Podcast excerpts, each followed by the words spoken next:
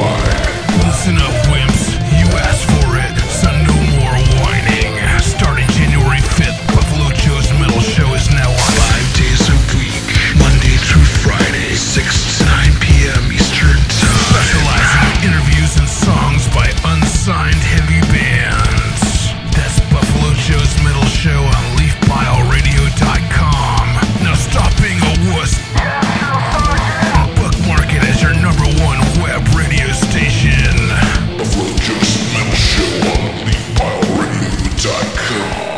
You just have no long-term memory because you get high all the time. This is Jesse with Enters the Casket Crew. This is Scott with Utah's HCR Records, Ritual of Terror, and Digital Dark Age. Respect my authority!